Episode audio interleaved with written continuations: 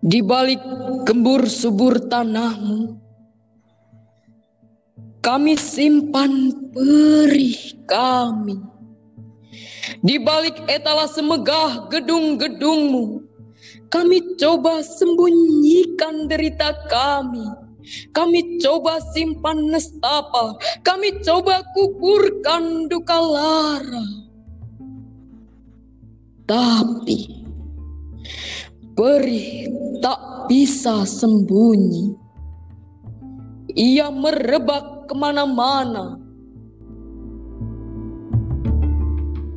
Kau gelisah sayang, kau gelisah sayang, kau gelisah sayang. Nah, yang kau gelisah sayangnya yang pertama sama yang kedua sama yang ketiga itu beda semua. Jadi mm-hmm. tambah tambah ke sini tuh tambah naik nadanya. Yang yeah.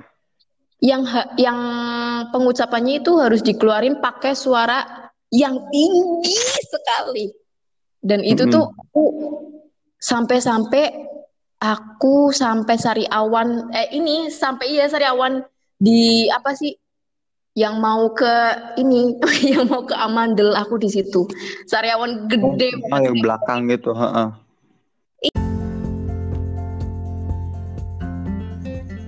Bagi sebagian orang, aktivitas membaca itu mudah dilakukan. Tapi untuk mendengar adalah hal lain. Hai, selamat datang dan selamat bergabung di Kanigara. Di kanal ini, saya akan membaca puisi, membaca prosa dan bercerita Semoga kita bisa berbagi baca dan berbagi dengar bersama. Halo, selamat malam pendengar semuanya, pendengar Kanigara dan kawan-kawan kelas menulis, eh kelas menulis, uh, kelas membaca puisi dari UKM Cakra. Selamat malam dan selamat bergabung. Selamat malam juga Kak Yaswina. Halo, selamat malam Kak Renanto. Renanto. Karena aja kalau ada taunya okay. kayak orang okay. Jawa. Serius. Eh kayak Yaswina apa kabar? Alhamdulillah baik. Gimana nih Karena nih? Aku super sekali sih, soalnya malam ini juga bisa ngobrol sama kamu yang sebelumnya nggak pernah bahkan ya. Eh pernah sekali ya kita teleponan ya dulu ya. Ya dulu pernah, cuman ya gimana? Akunya sibuk, iya. Aku sekarang jadi ah. orang sibuk. ya harus banyak bersyukur juga sih karena masih diberi kesibukan. Iya betul. Daripada kayak gabut. Ya. Di, uh, kayak Svina sekarang di Semarang atau di Tegal? Aku sih sekarang lagi di Tegal ya, nggak boleh ke Semarang aku. Hmm, gila nih jadi anak rumahan sekarang. Padahal kalau di Semarang mah, uh, BTS. Ya udah dong, jangan buka kartu dong. Oke, jadi gini kak, malam ini tuh kita pengen apa ya?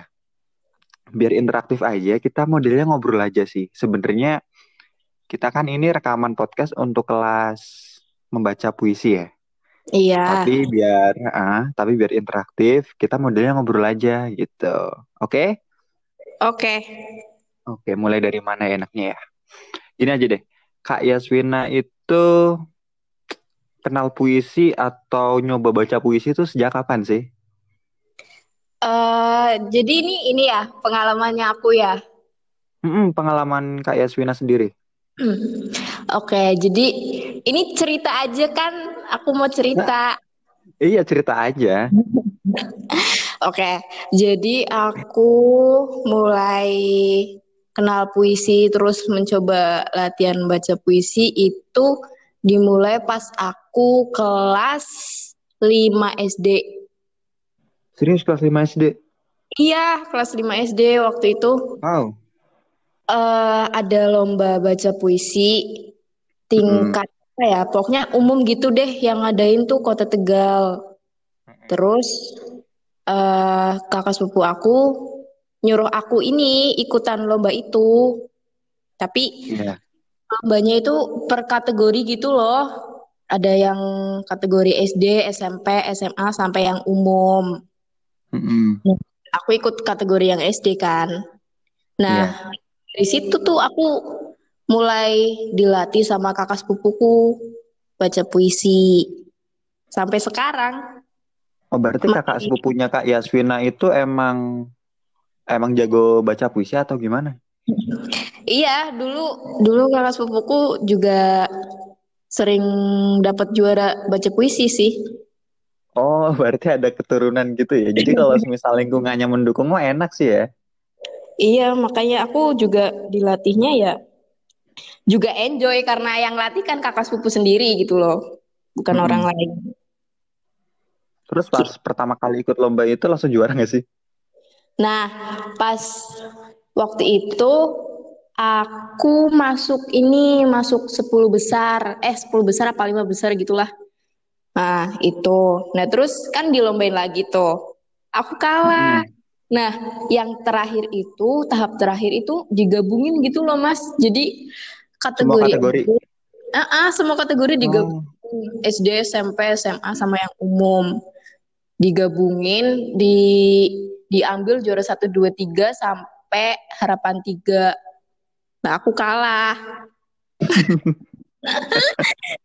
Itu sih pengalaman berharga aku sih itu apa awal belajar baca puisi. Iya. Tapi masih inget gak sih dulu puisi apa yang pertama kali dibaca buat lomba tuh? Itu tuh puisinya siapa ya? Aku lupa. Judulnya eh bocah ecrek-ecrek. Itu beneran puisi anak-anak banget ya. Iya, itu apa sih? Itu puisi tentang apa ya? Aku lupa. Pokoknya tentang ya tentang pengamen gitu loh. Mm-mm. Ya itu Tapi karena judulnya bocah ecrek-ecrek gitu. iya, mungkin ya. Jadi itu kayak beneran kayak anak-anak kecil yang ngamen di pinggir jalan di lampu merah gitu ya. Iya. Uh-uh. Tapi sekarang kan Kak Yasmina udah kuliah ya, dan sampai sekarang pun masih eksis buat konsisten belajar baca puisi gitu kan. Apa sih yang bikin Kak Yasmina bertahan baca puisi? Apakah emang beneran suka atau kayak ya udah aku bisanya cuma itu doang? Enggak sih. Kalau misal kalau apa ya? Kalau eh cuman sekadar suka ya emang emang aku suka, tapi ada Mm-mm. alasan yang alasan yang mendukung di balik itu loh. Jadi alasannya tuh Uh-uh. eh, aku sering ikut lomba baca puisi karena aku pengen dapat duit. Oh gitu ya. Jadi eh money is a important value, important purpose gitu ya. Ya, Jadi emang tujuan tujuan pertamanya itu duit ya. Ya, Emang ini dong. emang bu- bukan bukan dibilang munafik sih, tapi emang Iya, kebutuhan ya. kebutuhan. Motivasi juga kan. Sih ya, ah. kan soalnya kan kalau misal itu tuh lomba baca puisi pasti tuh hadiahnya tuh gede-gede, makanya aku suka ikut lomba baca puisi. Tapi kalau kalau yang udah pernah dengerin Kak Yasmina baca puisi emang apa ya? Emang kemampuannya itu udah pantas buat diduitin sih. Masa sih? Hmm. Iya, makanya kamu nggak usah ngeduitin yang lain aja, cukup baca puisi aja. Gak usah macam-macam. Oh, oke. Tapi ini ngomong-ngomong lomba, ngomong-ngomong prestasi, Mm-mm. eh, lomba apa nih yang terakhir atau yang berprestasi yang baru aja Kak Yaswina dapetin gitu misal, ada nggak sih yang bisa diceritain? Ada sih kemarin pas tahun 2020, baru kemarin November apa Desember, Desember, eh November, November. November. Ah, aku dapat juara dua di ini lomba Peksi Minas. Peksi Minas tuh apa? Hmm, Pekan Seni Mahasiswa Nasional. Oke, berarti itu mewakili universitas ya Kak ya? Iya, universitas ya seluruh Indonesia. Tapi sebelum itu juga banyak kan, maksudku yang nggak sekedar ikutan lomba terus nggak menang tapi juga lomba dan menang kan sering juga ya. Iya, Sebelumnya apa tuh? sebelumnya tuh ini lombanya itu Helvitiana Rosa, aku ikutan juga. Cuman Mm-mm. kemarin itu aku dapet harapan harapan berapa? Harapan satu. Oh Harapan iya yang yang satu. yang kamu curhat sampai nangis-nangis itu bukan? Anjir apaan?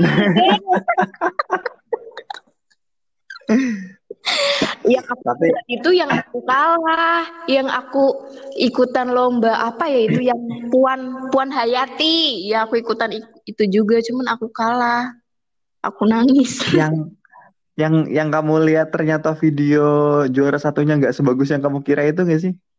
Oh kalau itu kalau itu yang apa ya? Yang Helvi, Oh ya, yang bukan? oh iya iya benar-benar ya Mm-mm. itu sih, cuman menurut aku apa ya ada ada yang lebih bagus dari itu. Menurut aku Iya.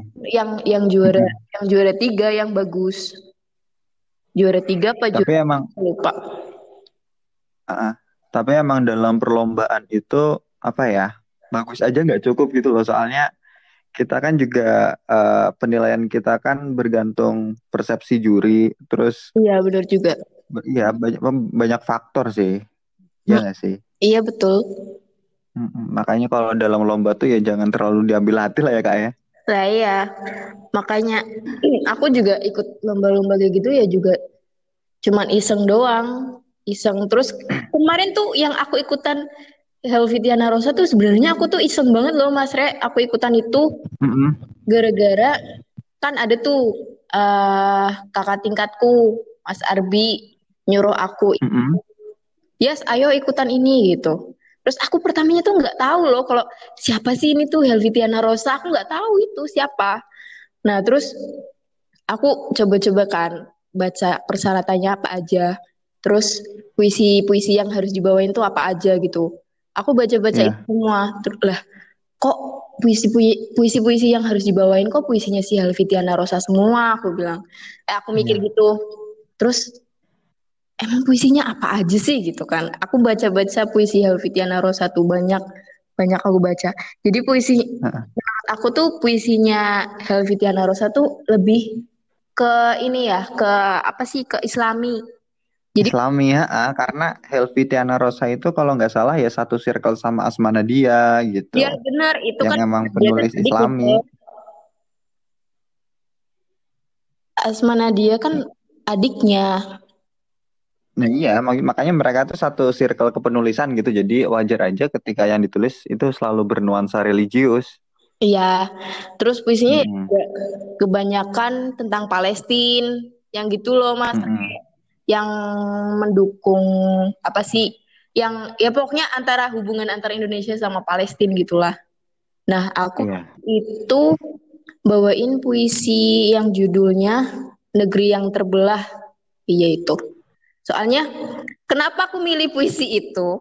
Karena puisi itu tuh aku pas baca pas baca ini yang puisi yang Negeri Terbelah itu aku langsung Mm-mm. oh ini tipe aku banget nih. Aku langsung mikir kayak gitu. Soalnya puisi-puisi yang lain tuh yang puisi yang Islami yang aku tuh udah nyadar Iya. diri aku aku nggak pantas gitu. gitu. Kalau kalau aku sih emang sadar diri apa ya eh, ini lebih suka bawa puisi yang mengkritik terus yang pokoknya yang Mm-mm. lah bahasanya aku tuh menggebu-gebu gitu. Oke, ya gitu. Jadi emang ini ya, kita juga harus menyesuaikan diri kita, eh, kemampuan kita dengan memilih puisi yang cocok, yang pantas gitu ya, Kak ya. Mm-mm. Cuman ada lagi nih pengalaman baru Apa tuh? kemarin yang pas di Peksiminas itu Mm-mm. kan eh awalnya aku nggak boleh tuh nggak boleh nggak dibolehin sama orang tua ke Semarang. Akhirnya Mm-mm. eh, aku mikirnya gini, apa aku latihannya melalui online aja ya? Kan kalau misal Peksiminas kayak gitu kan udah tanggung jawabnya dari universitas kan ya. Jadi kita Mm-mm. udah di apa sih udah di apa udah disediain pelatihnya juga dari universitas. Nah, Mm-mm. aku dilatihnya sama dosenku sendiri Pak Sendang. Mm-mm. Tuh, terus akhirnya sampai aku ngomongkan sama orang tua mah gimana ini ini ini udah udah pokoknya udah disuruh sama universitas universitas aku suruh ke Semarang gitu kan. Akhirnya Mm-mm. aku boleh akhirnya aku ke Semarang. Nah, di pas di Tegal, pas di rumah itu aku belajarnya puisinya W.S. Rendra yang judulnya apa ya? Aku lupa. Pokoknya Yang ada menanggalkan jaket itu kan sih? bukan Bukan ya? apa ya? Ya, aku juga lupa sih. Oke, pokoknya itu. Iya, pokoknya itu pokoknya yang puisinya Ya, ah. banget gitulah. Nah, terus Mm. pas beberapa kali latihan sama Pak Sendang, Pak Sendang bilang, "Yas, ganti puisimu." Kayak gitu. Lah aku otomatis langsung, "Hah, ganti apa?" Aku kayak gitu kan aku jadi apa ya kayak aku udah cocoknya sama puisi itu gitu loh. Mm-mm. Malah yang eh malah Pak Sendang tuh eh, nyuruh aku puisi yang di luar di luar apa pikiran aku gitu loh. Aku disuruh bawain puisi elegi karya Tuti Herati. Aku sama sekali belum pernah dengar tuh puisi elegi itu. Terus Aku juga belum pernah dengar. Cuman kalau Teti Heratinya aku pernah dengar. ah ik- ya itu. Nah, terus aku bacakan, Pak, ini puisinya gimana, Pak? gitu kan. Ya udah baca dulu, baca dulu gitu kan. Terus itu tuh puisinya tuh bener-bener yang yang bukan apa seleranya aku, yang bukan tipenya aku. Jadi puisinya tuh Iya. yang kayak tentang tentang seorang perempuan yang eh apa sih yang rindu sama kekasihnya atau ya pokoknya rindu sama kekasihnya tapi di diabaikan gitu loh Mas Re. Jadi kayak Mm-mm. mau ya pokoknya si cowoknya itu udah udah nggak peduli sama ceweknya, tinggal menunggu kematiannya aja kayak gitu loh intinya. Itu Nah. bukan kamu sih. Nah, Maksudku, biasanya kamu kan suka membawakan puisi yang mengkritik sosial, mengkritik pemerintah, ekonomi, atau kesenjangan gitu kan, atau penderitaan gitu. Ya kan sih? Iya betul. Iya aku puisinya tuh yang begitu. Nah terus udah kan pokoknya nah itu pas sendang udah bersikuku tuh aku disuruh baca puisi itu kak puisi Mm-mm. itu karena pas sendang bilang gini kan kita lombanya ini kan udah peksiminas ya Yas kita harus mikir strategi gitu. Mm. mikir mikir strategi. Kalau puisi-puisi yang lain itu kebanyakan udah umum udah umum dibacain udah umum dibawain gitu. Apalagi puisi jaket berlumur darah itu tuh udah Nah, banyak itu udah. yang bacain gitu kan. Ah, Ini ah, bahkan aku aja sampai bosen. Taufik Ismail ya itu ya iya, Taufik Ismail.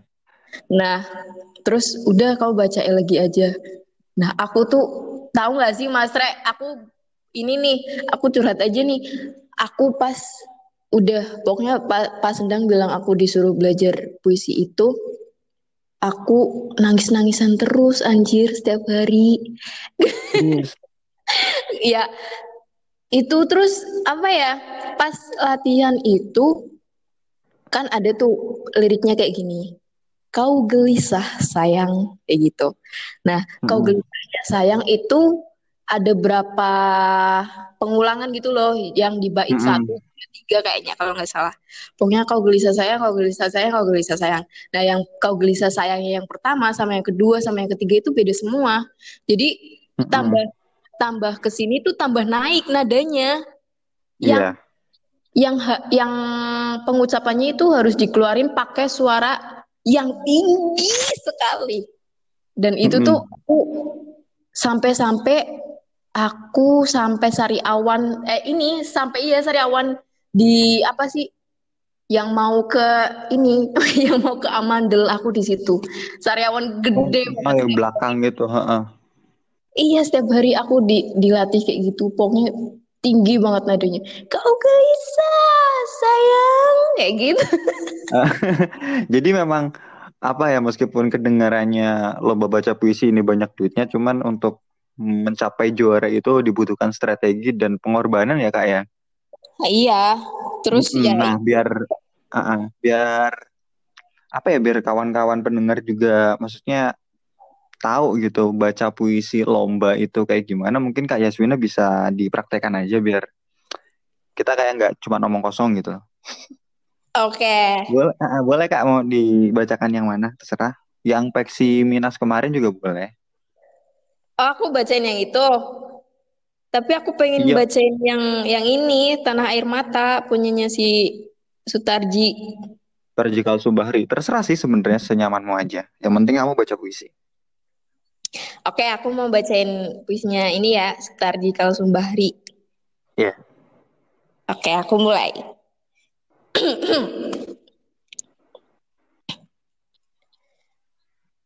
Tanah air mata.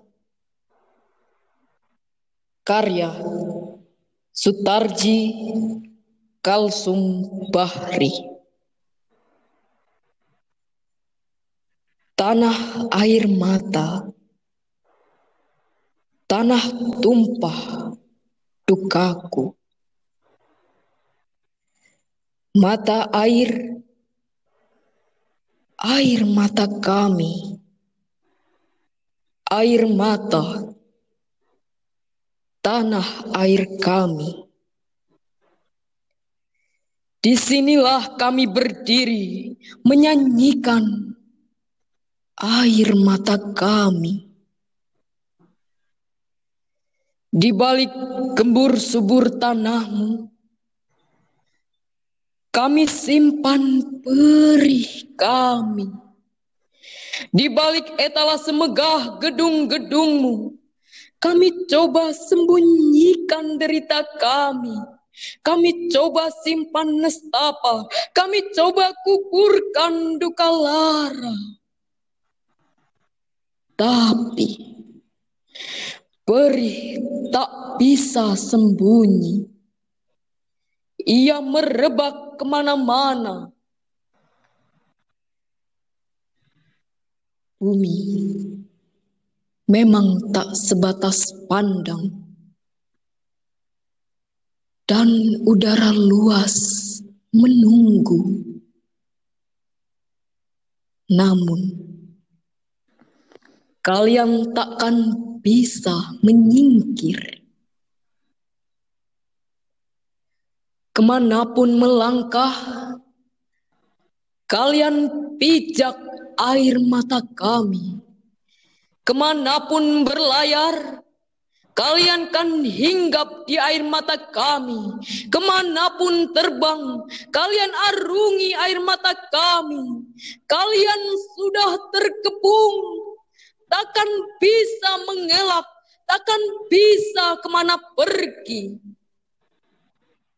Menyerahlah pada kedalaman air mata kami. Udah. Ini sayang banget kalau pendengar tuh nggak bisa tepuk tangan ya karena itu bentuknya podcast. Tapi serius itu keren sih. Uh-uh. Itu pernah kamu bawain di lomba apa? Oh itu yang puisi tanah air mata itu aku pernah bawain pas aku SMA. Jadi aku ikutan ini, ikutan lomba FLS 2N tau nggak? uh, yang modelnya kayak Peksi Minas cuman cuman buat yeah, anak SMA yeah. Ah, betul. FLS 2N itu waktu itu aku sampai ke tingkat nasional bawain puisi ini. Oh, berarti kayak ini memang sudah melanglang buana ya. Tapi ngomong-ngomong soal puisi nih. Iya. Ngomong-ngomong soal puisi, kalau dari menurut aku pribadi itu membaca puisi itu kan adalah seni pertunjukan. Sepakat nggak sih, Yas? Iya, betul. Iya, dan dan sebenarnya seni pertunjukan membaca puisi ini kalau kata sosiawan lah ya, itu cuman cuman ada di Indonesia gitu. Jadi kalau misal di luar negeri, apalagi barat, orang baca puisinya Pablo Neruda, Sylvia Plath ataupun Shakespeare gitu kan katakan ya mereka membaca ya seperti membaca tulisan biasa aja gitu. Nggak nggak dilakukan nggak dinadakan begitu. Jadi seni membaca puisi itu adalah salah satu kebudayaan di Indonesia dan itu banyak dilombakan. Dan pada perkembangannya seni membaca puisi itu menurutku sendiri ya menurutku mm -hmm. sendiri itu uh, dibagi ke beberapa kategori sih bergantung kebutuhan yang pertama itu puisi lomba yang seperti Kak Yasvina jalani dan sering Iya.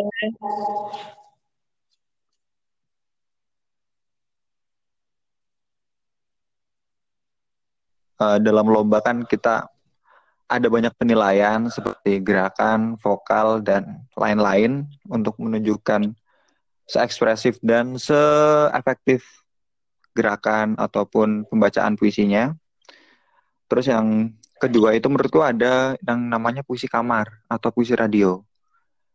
Kalau semisal puisi lomba itu cenderung puisi yang padat, puisi yang banyak memadatkan kata, yang bisa teriak-teriak.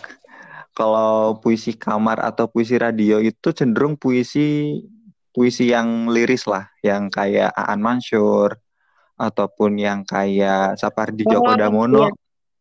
Ngerti kan ya, saya? Ah, ah, yang yang iya, kalau iya. kita bacanya teriak-teriak di panggung tuh nggak cocok lah gitu. iya, iya. betul. Lebih cocok buat dibacain di kamar ataupun di radio begitu. Terus yang ketiga itu menurutku ada yang namanya puisi panggung atau puisi ekspresif. Di situ itu tujuannya tuh bukan buat lomba, bukan buat gombalin cewek gitu. Kalau kalau kalau puisi kamar kan sering dipakai untuk gombalin cewek kan karena uh, biasanya suaranya mengalun, adem gitu kan.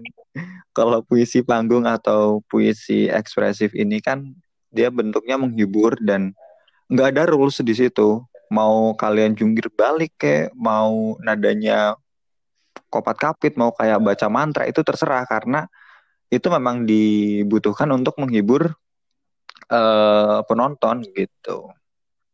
Dan puisi panggung ini puisinya terserah. Mau puisi liris mau puisi yang banyak memadatkan kata gitu kalau misal tadi yang di contohkan oleh Yaswina itu namanya puisi lomba dan puisi lomba itu biasanya penilaiannya apa aja kak? Kalau puisi lomba tuh yang aku tahu hmm. sih ya penilaiannya tuh intonasi, terus ekspresi, terus uh, interpretasi, hmm.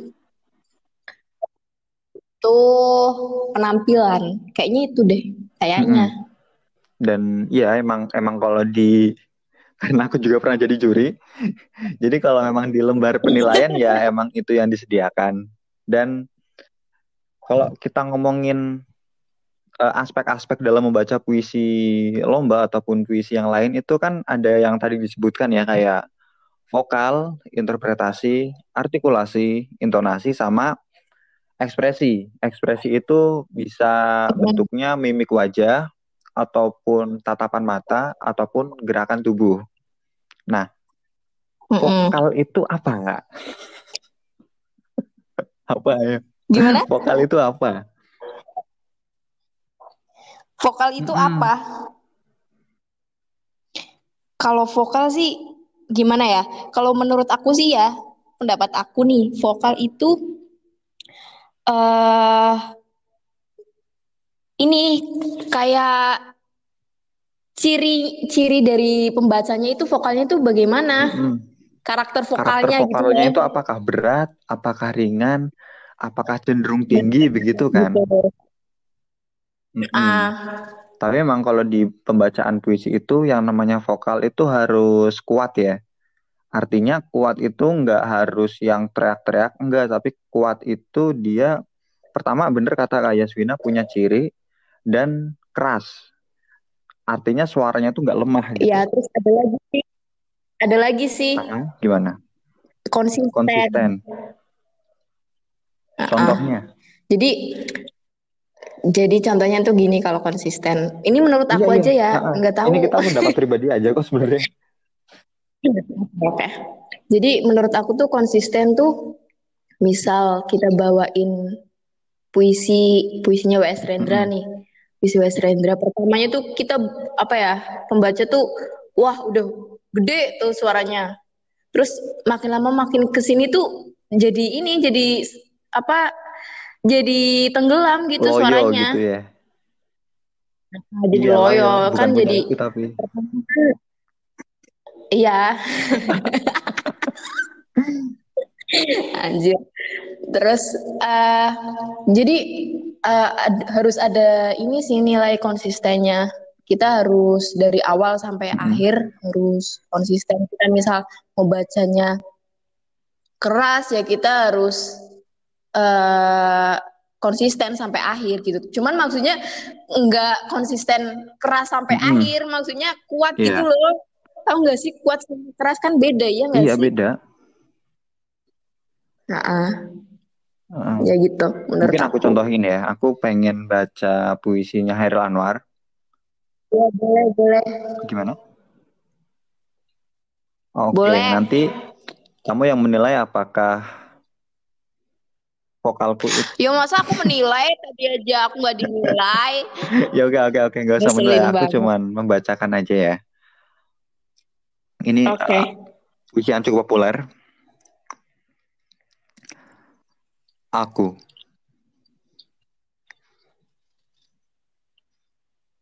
Kalau sampai waktuku, ku mau tak seorang kan merayu. Tidak juga kau, tak perlu sedu-sedan itu.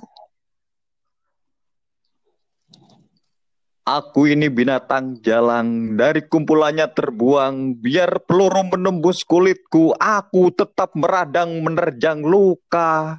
Dan bisa ku bawa berlari, berlari hingga hilang pedih perih. Dan aku akan lebih tidak peduli, aku mau hidup seribu tahun lagi.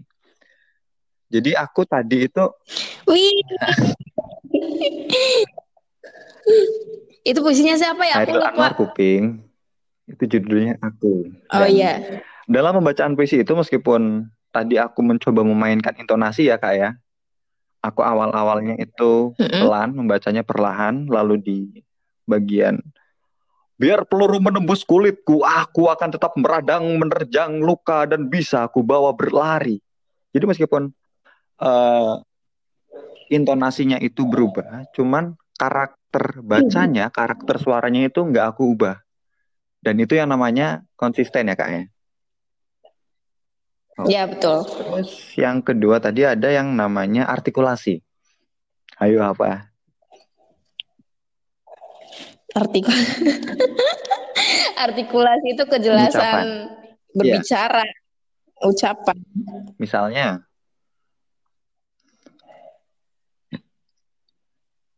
Misalnya eh ini yang tadi aku bacain.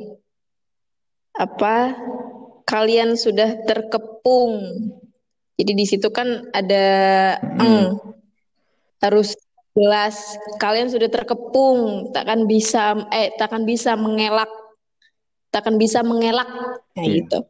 Takkan bisa ke mana pergi, menyerahlah pada kedalaman air mata jadi kami.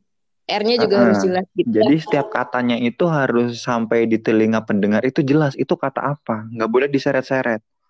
Misal kayak tadi Ya, aku mau baca kalau sampai waktuku itu kan jelas kalau sampai waktuku. Nah kalau yang artikulasinya nggak jelas itu kalau sampai waktuku gitu kan. Jadi kayak diseret-seret gitu dan kadang R atau K ataupun huruf-hurufnya tuh nggak jelas. Jadi si penonton tuh bingung ini tuh dia ngomong apa gitu. Itu pentingnya artikulasi yang jelas. Terus yang ketiga itu ada Betul. intonasi. Intonasi itu apa ya? Kayak irama gitu. Iya nggak sih? Kayak irama. Ya irama. Jadi intonasi intonasi di sini tuh aku mikirnya biar penonton tuh nggak bosen nadanya Mm-mm. itu itu mulu gitu. Kayak misal pun kayak misal Harus pun ada- ada pengulangan kata. Kayak yang puisinya siapa Elegi itu kan ada beberapa pengulangan kata. Ah, Katanya Iya. apa ya sih? kau gelisah Kau sayang. gelisah sayang.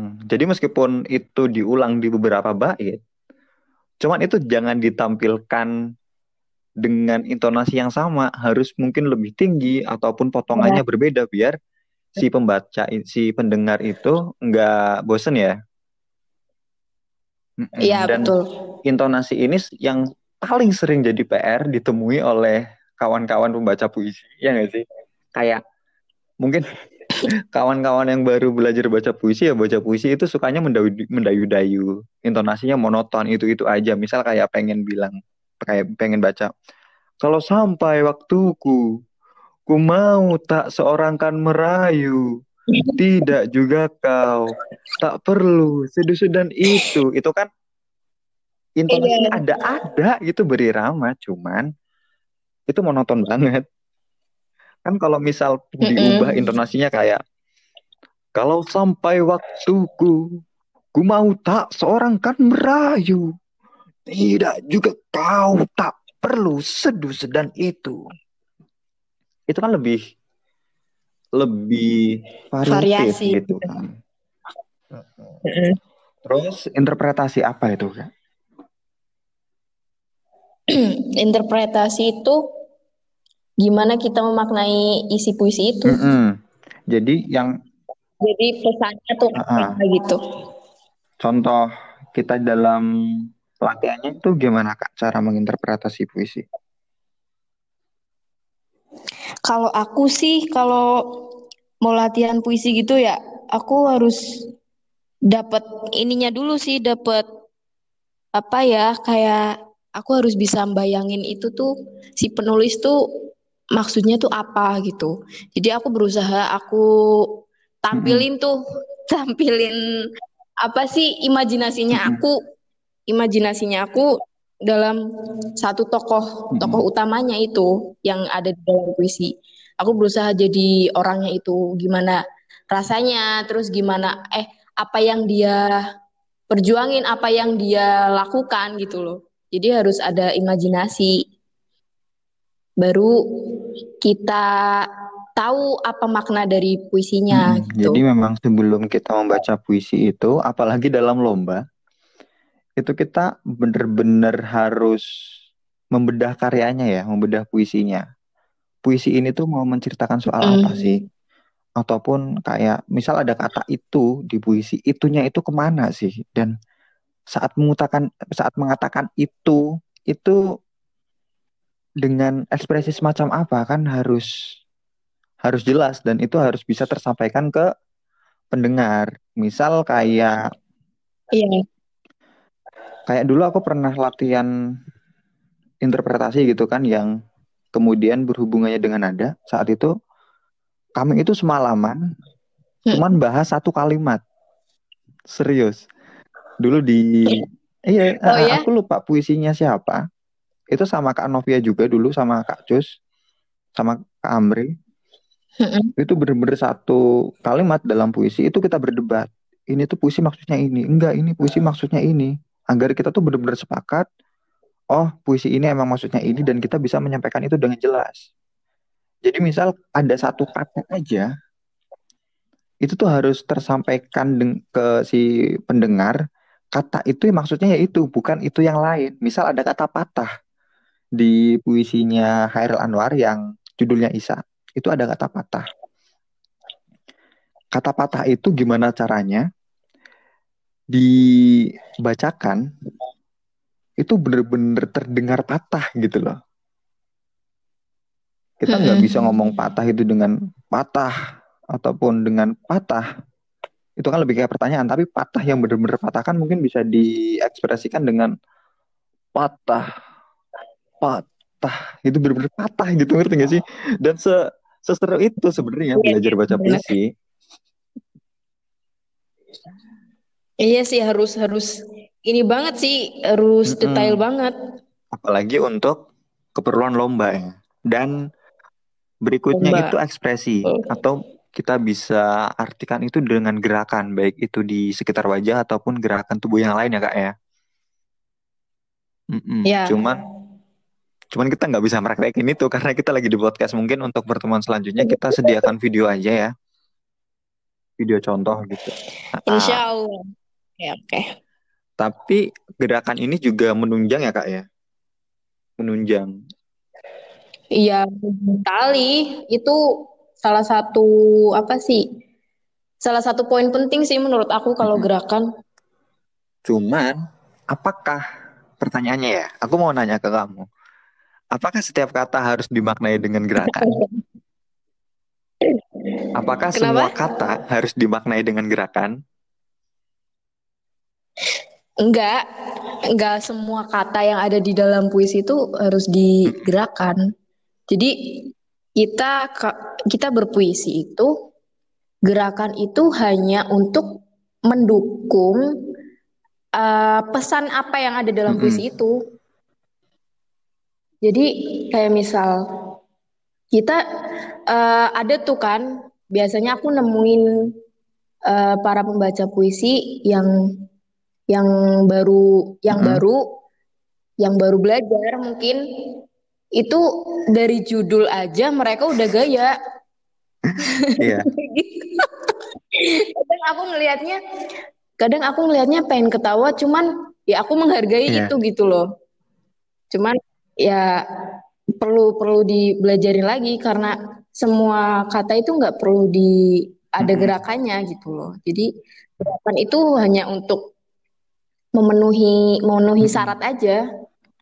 Dan dari apa yang aku percayai ya, kalau gerakan atau mimik muka itu hanya sebagai pendukung kata. Jadi misalnya suaramu dengan kamu pengen bilang dalam puisi misalnya ada kata aku jatuh cinta, misal. Kalau semisal kamu ngucapin aku jatuh cinta dan si pendengar itu kurang dapat memahami itu kamu mungkin bisa ditambah dengan gerakan mata. Kalau misal dengan ucapan dan gerakan mata aja si pendengar ini belum bisa memahami juga, itu kamu bisa nambahin dengan mimik muka.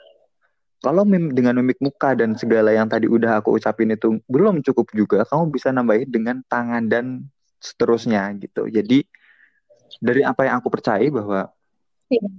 semakin sedikit gerakan yang kalian keluarkan, tapi itu tuh udah ampuh banget buat menyampaikan maksud dari si puisi itu, itu berarti keren gitu. Itu udah paling tinggi gitu.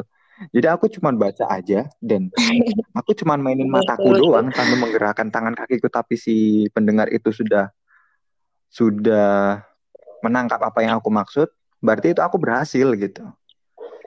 Jadi gerakan itu sebenarnya perlu perlu untuk apa? Untuk memperjelas. Tapi kalau udah jelas dengan dengan ucapan saja berarti ya gerakan itu udah nggak perlu makanya dalam puisi lomba juga keefisienan gerakan juga dihitung ya bener-bener bener mm -hmm. apa sih nggak ada yang gerakan yang mubazir gitu Iya betul. Itu mungkin yang buat puisi lomba. Tapi kalau puisi puisi baca puisi liris gitu, kayak Yasmina pernah siaran di radio atau baca puisi lewat VN buat pacarnya nggak sih? Nggak pernah dan nggak punya pacar Kalau aku. aku siapamu? Ngapain? aku nggak dianggap.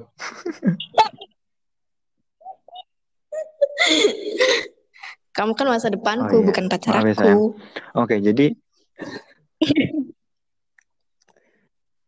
jadi ini kita mulai lepas dari puisi lomba ya.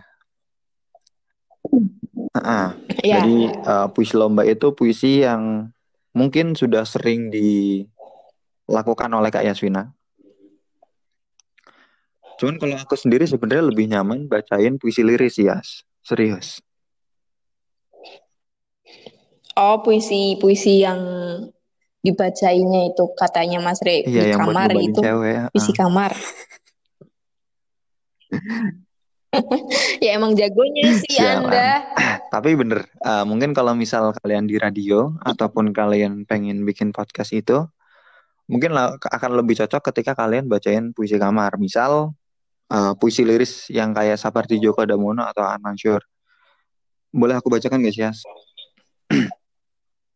Boleh dong. Jadi uh, tidak seperti puisi yang penuh dengan pemadatan kata, puisi kamar itu biasanya lebih cocok uh, dengan dibacakan puisi liris yang dia itu kayak bercerita aja gitu loh, alih-alih memadatkan kata, tapi mereka menampilkan narasi yang bisa kita pahami secara langsung. gitu. Kayak misal, yeah. aku mau bacain sebagian puisinya Sapardi, judulnya Dongeng Marsina. Dongeng Marsina Marsina, buruh pabrik arloji, mengurus presisi, merakit jarum, sekrup, dan roda gigi. Waktu memang tak pernah kompromi. Ia sangat cermat dan hati-hati. Marsina itu arloji sejati. Tak lelah berdetak meminta kefanaan yang abadi. Kami ini banyak kehendak. Sekedar hidup layak, sebutir nasi. Marsina, kita tahu, tidak bersenjata. Ia hanya suka merebus kata sampai mendidih lalu meluap ke mana-mana. Ia suka berpikir kata siapa. Itu sangat berbahaya. Marsina tidak ingin menyulut api, ia hanya memutar jarum arloji agar sesuai dengan matahari. Ia tahu hakikat waktu kata siapa. Dan harus dikembalikan ke asalnya, debu. Di hari baik, bulan baik, Marsinah dijemput di rumah tumpangan untuk suatu perhelatan. Ia diantar ke rumah siapa, ia disekap di ruang pengap, ia diikat ke kursi. Mereka kira waktu bisa disumpal agar lengking detiknya tidak terdengar lagi. Ia tidak diberi air, ia tidak diberi nasi. Detik pun gerah berloncatan ke sana kemari. Dalam perhelatan itu kepalanya ditetak, selangkangannya diacak-acak dan tubuhnya dibiru lebamkan dengan besi batangan. Detik pun tergeletak, Marsinah pun abadi. Di hari baik, bulan baik, tangis tak pantas. Angin dan debu jalan, klakson dan asap knalpot. Mengiringkan jenazahnya ke nganjuk. Semak-semak yang tak terurus dan tak pernah ambil peduli meregang waktu bersakti. Marsinah diseret dan dicampakkan sempurna sendiri. Itu mungkin uh, sebagian puisinya Marsinah yang itu sangat liris sekali karena memang seperti bercerita dan uh, iya dan itu memang membacakannya juga santai saja seperti bercerita saja gitu nggak seperti yang saat aku membacakan kalau sampai waktuku itu enggak. Dan ada juga puisinya An Mansur yang ini ada di film Ada Apa Dengan Cinta. Judulnya tidak ada New York hari ini. Oke, bacain dong. Tidak ada New York hari ini. Tidak ada New York kemarin. Aku sendiri dan tidak berada di sini. Semua orang adalah orang lain. Bahasa ibu adalah kamar tidurku kepulak tubuh sendiri. Dan cinta. Kau tak ingin aku matikan mata lampu. Jendela terbuka dan masa lampau memasukiku sebagai angin. Meriang, meriang, Aku meriang. Kau yang panas di kening. Kau yang dingin di kenang. Jadi begitu yang aku percaya sebagai puisi kamar yang sifatnya juga liris. Uh, apa ya kalau di uh, pembacaan puisi semacam ini sebenarnya nggak lebih banyak aturan kayak kayak puisi lomba sih di sini tuh yang penting tuh apa yeah. ya? Penyampaiannya pemenggalannya sama intonasinya aja. Gitu. Iya. Yeah. apa ya sih yang pengen kita sampaikan lagi ya serius kayak aku tuh udah apa ya mungkin materi materi dari kelas membaca puisi itu mungkin sampai sini dulu ya Oh ya, kita lupa satu lagi, Ding. Ada yang namanya puisi ekspresif.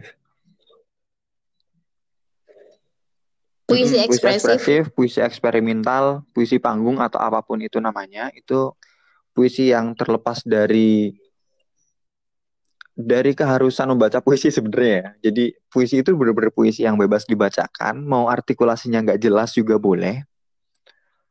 Mau intonasinya mendayu-dayu itu boleh karena itu kan sifatnya ekspresif. Oh kan iya ada, iya. Pernah dengar sih, lupa. misal kayak Sosiawan Leak deh yang dia negeri kadal sampai berjingkrak-jingkrak ataupun uh, beberapa puisi beberapa orang yang berpuisi di panggung dan membacakan puisi seperti membacakan mantra gitu kan kayak Sutarji Kalsumbari atau siapa gitu kan atau sambil memainkan alat musik itu kan memang bertujuan untuk menghibur jadi ya uh, kalau itu adalah puisi yang yang kalian boleh mengerahkan apa saja demi menghibur orang sih tapi Iya betul. Itu itu tadi puisi ekspresif ya. iya Yang ini tadi. yang tadi kita yang tadi aku ngomongin tapi kayak sebenarnya selama apa ya perjalanan uh, belajar membaca puisi ini menurut kak Yasmina seru nggak sih? Ya seru. Itu itu kenapa puisi ini eh mak- apa maksudnya puisi itu bisa membawakan aku sampai sekarang sampai aku bisa masuk UNES Karena kau masuk UNES tuh pakai sertifikat puisi sampai ya? aku Serius, berarti kamu Iya. tuh kayak jal- jalur prestasi. karena Jadi kamu masuk tuh jalur prestasi gara-gara menang lomba puisi. Iya sih, kalau Iya. gitu kamu nggak bisa kuliah, Deng ya. kira Kamu kan gara-gara lemah di pelajaran. iya makanya dikira aku masuk UNES gara-gara nilai enggak lah gila orang aku bego Ya Tuhan. Tapi eh, kamu ada pesan-pesan buat kawan-kawan yang pengen belajar puisi nggak sih biar mereka makin semangat? Tapi serius loh, ini dari aku dulu ya. Pes- Eh, berkegiatan membaca puisi, oke misalnya kayak aku ikut lomba gitu kan, itu bikin aku pergi ke mana-mana dan puisi juga yang kayak bikin aku buat ikut kayak sastra ataupun eh, pertemuan-pertemuan dengan komunitas pembaca puisi lain karena memang pembaca puisi itu tersebar di seluruh Indonesia ya. Jadi kalau kita sering membaca puisi dan ikut event gitu, kita bakal punya banyak teman dan relasi gitu. Itu yang bikin aku seneng sih. Kayak misal aku udah ke Magelang, ke Iya. Jogja, itu kan ya gara-gara puisi. iya iya benar-benar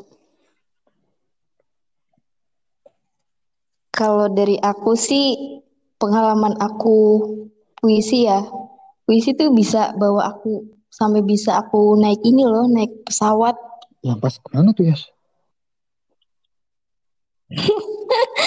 Aku yang pas pas pas Oh, SMA itu yang kayak yang Heeh. FLS 2N. Kan aku nasionalnya itu di NTT, Iya. di Kupang. Iya itu gara-gara puisi aku bisa naik pesawat ke NTT. Keren sih. Jadi emang puisi itu eh, di luar sebagai media hiburan, di luar sebagai aksi pertunjukan, itu juga bisa ngasilin duit dan bikin kamu dapat banyak keuntungan ya, Yas. Iya, bisa dapat apa eh, memperlebar rel- relasi juga. Jadi begitu buat Gitu. kawan-kawan pendengar semuanya, baik dari Kanigara ataupun dari kelas membaca puisi Cakra, memang banyak hal yang bisa didapat dari membaca puisi karena membaca puisi itu bukan hanya untuk kesenangan pribadi, tapi lebih jauh lagi membaca puisi itu juga bisa menjadi simbol bahwa kita melestarikan budaya Indonesia karena hanya di Indonesia saja pembacaan puisi itu ada sebagai pertunjukan seni. Begitu, oke. Mm-mm. Betul. Jadi mungkin ini sudah sampai di penghujung obrolan ini ya. Dari saya pribadi mengucapkan banyak terima kasih buat Kak Yasmina yang sudah meluangkan waktunya buat bercerita soal pengalaman lomba, prestasi, dan perjalanan mengenal puisi. Terima kasih Kak Yasmina.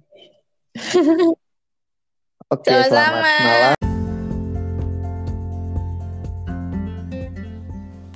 Hai, kita semua telah sampai di penghujung acara. Terima kasih untuk kawan-kawan yang sudah mendengarkan sampai akhir. Nantikan konten-konten kami selanjutnya. Tetap membaca, mendengar, dan berkarya ya.